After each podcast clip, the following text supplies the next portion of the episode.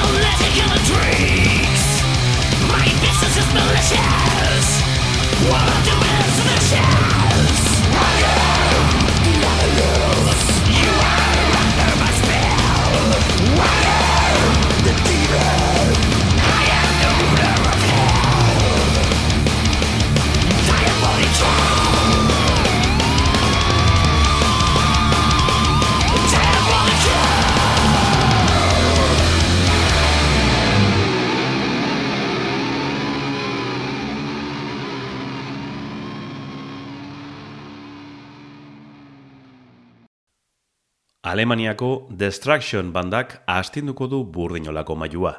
Esmier veteranoari esker bizira dute, eta ez dirudi beraien thrash metal legatua bere alakoan suntsituko denik.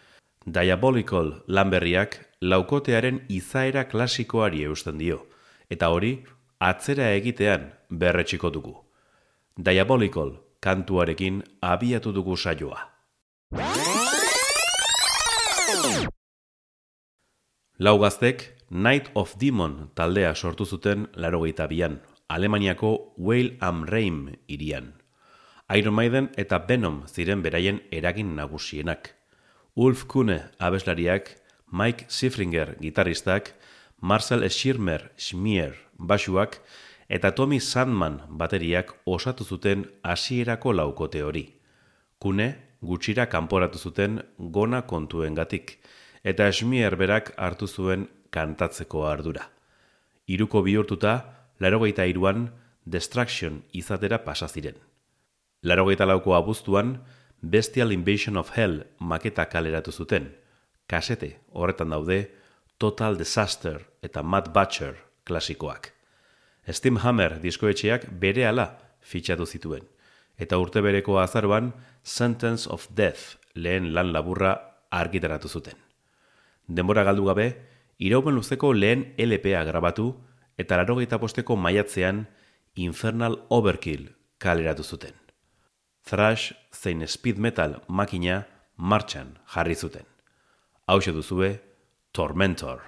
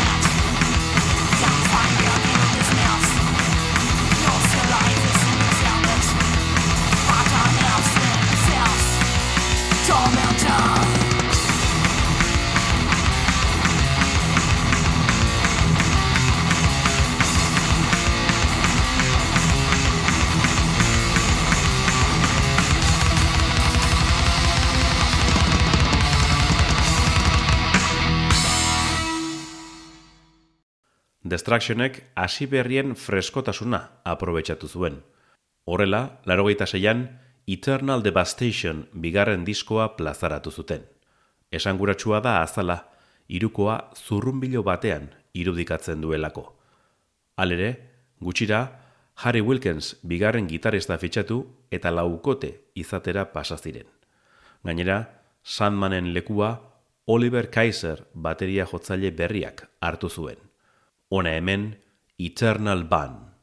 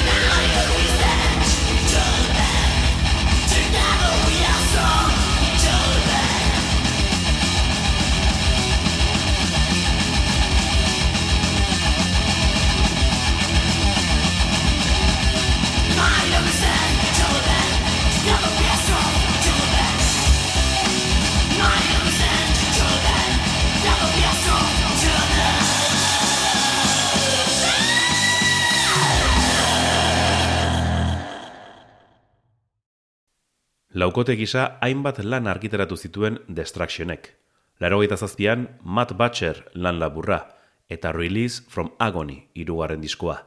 Eta laro bederatzean, Life Without Sense aurreneko zuzenekoa.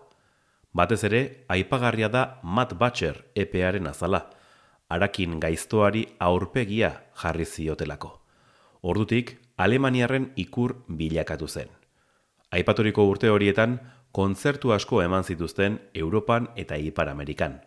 Horrela, gero eta ezagunagoak bihurtu ziren. Hau duzue, Matt Butcher.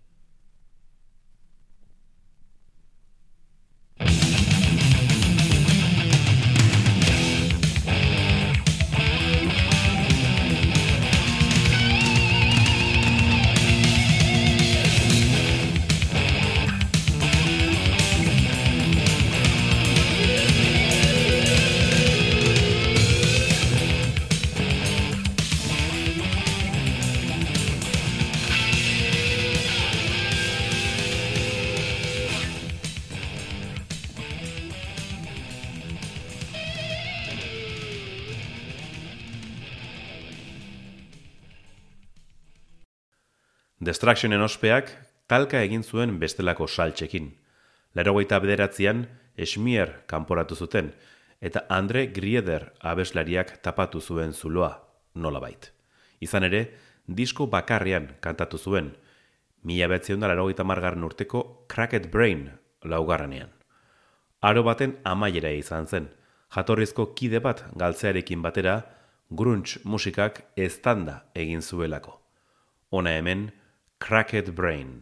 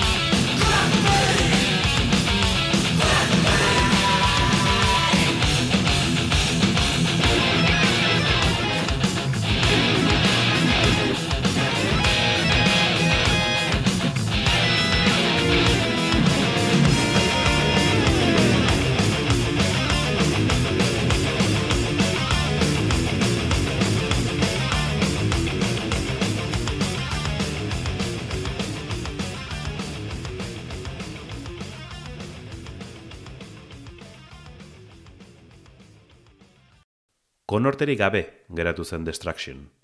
Zifringer gitarristak bestelako musika jorratzea erabaki zuen, eta diskoetxeek bizkarra eman zioten. Garai horretan kaleratu zituzten bi lan laburrak eta diskoa ahaztuta dituzte dagoeneko. Hamarkada inguruko galbidea larogeita emeretzian eten zuten. Esmier taldera itzuli zen ezben Borman bateria berriarekin, eta Sifringerrekin irukoa osatuta thrash metala berreskuratu zuten. Nuclear Blast diskoetxea laguntzeko prest agertu zen. 2000 garren urtean, All Hell Break Loose diskoa argitaratu zuten, gauzak konpontzeko. Dena dela, benetako esentzia, 2000 eta bateko The Antichrist lan apartarekin suspertu zuten. Hau duzue, Thrash Till Death.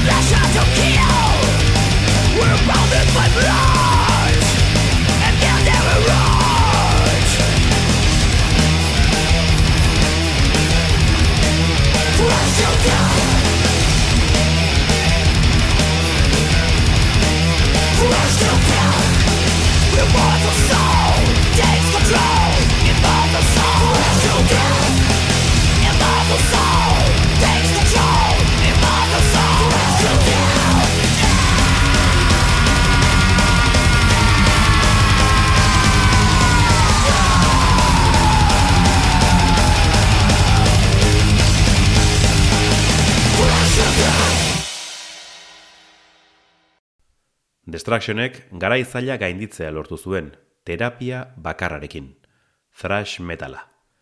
2000 eta iruko Metal Discharge diskoak promozio ona izan zuen metal edabideetan, eta taldeari beste bultzada bat eman zion. Ordurako, irukoa berrosatu zuten, berriz ere. Borman bateriaren ordez, Mark Rain batu zen. Berarekin ere izan zituzen historio batzuk, atxiloketa bat tarteko. Etzen oztopo izan, irukoarentzat.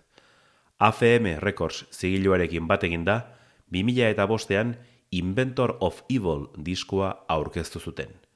Gaiztakerietarako euren arakin odoltsua berreskuratu zuten. Hona hemen, No Man's Land.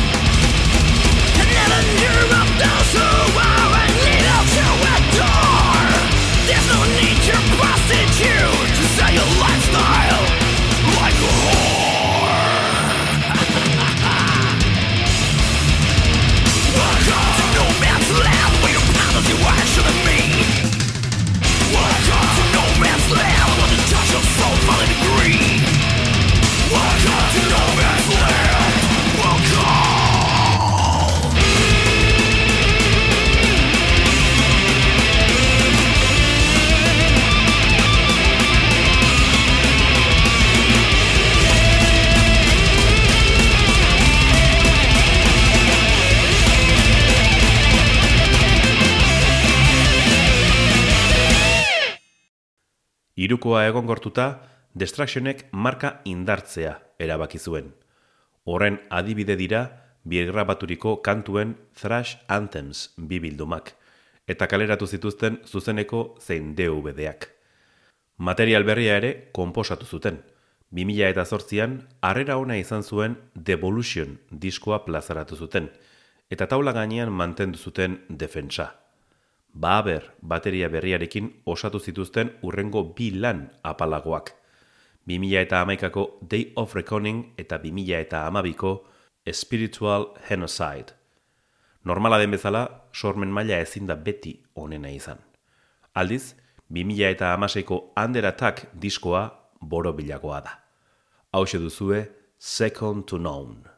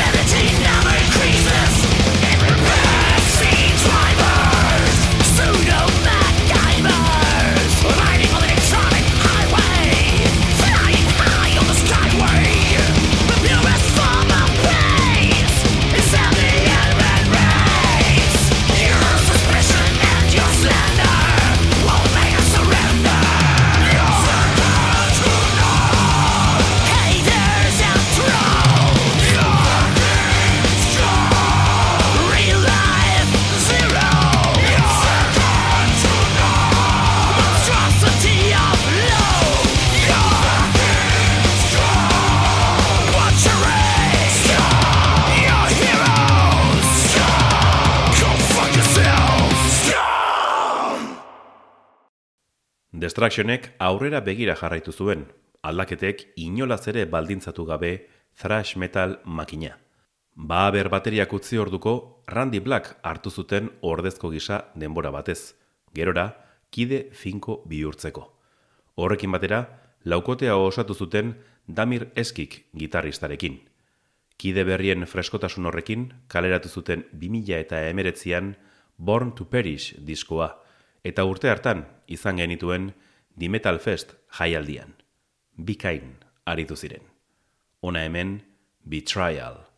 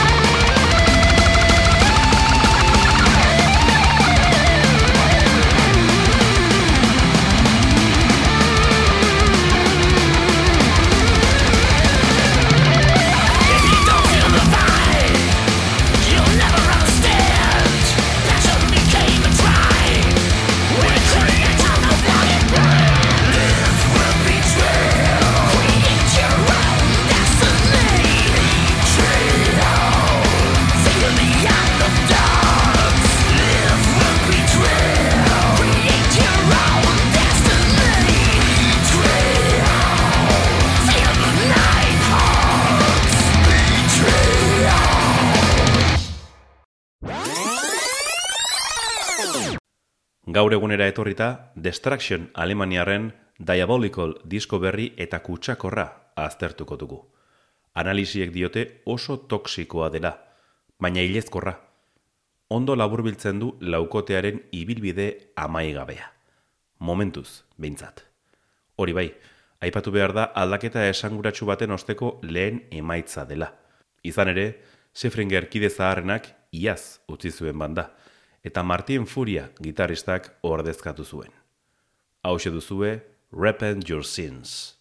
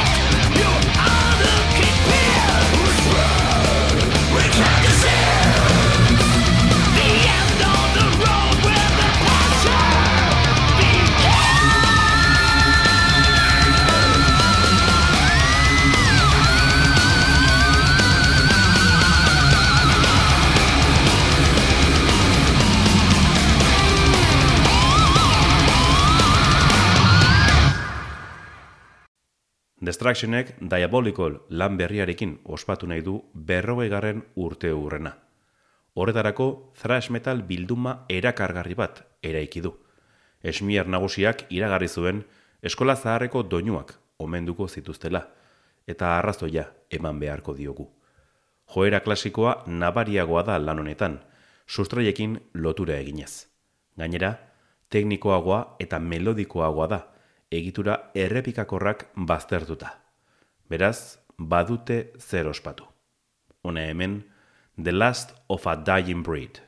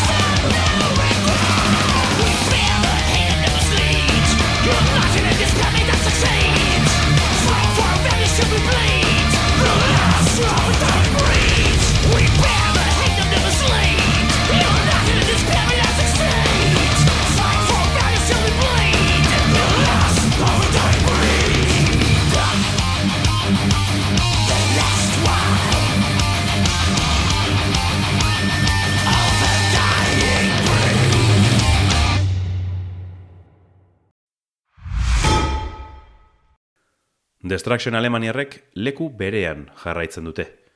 Beraien herrialdeko thrash metal laukotearen parte dira, Creator, Sodom eta Tankard taldeekin. Veterano kuadrilla ederra, bakoitza bere berezitasunekin. Destructioni dagokionez, Matt Butcher jauna alboan duten bitartean, salbu daude eta gaude. Programa amaitzeko, Diabolical azken diskotik, Servant of the Beast abestia aukeratu dugu. Urrengora arte, metalzale.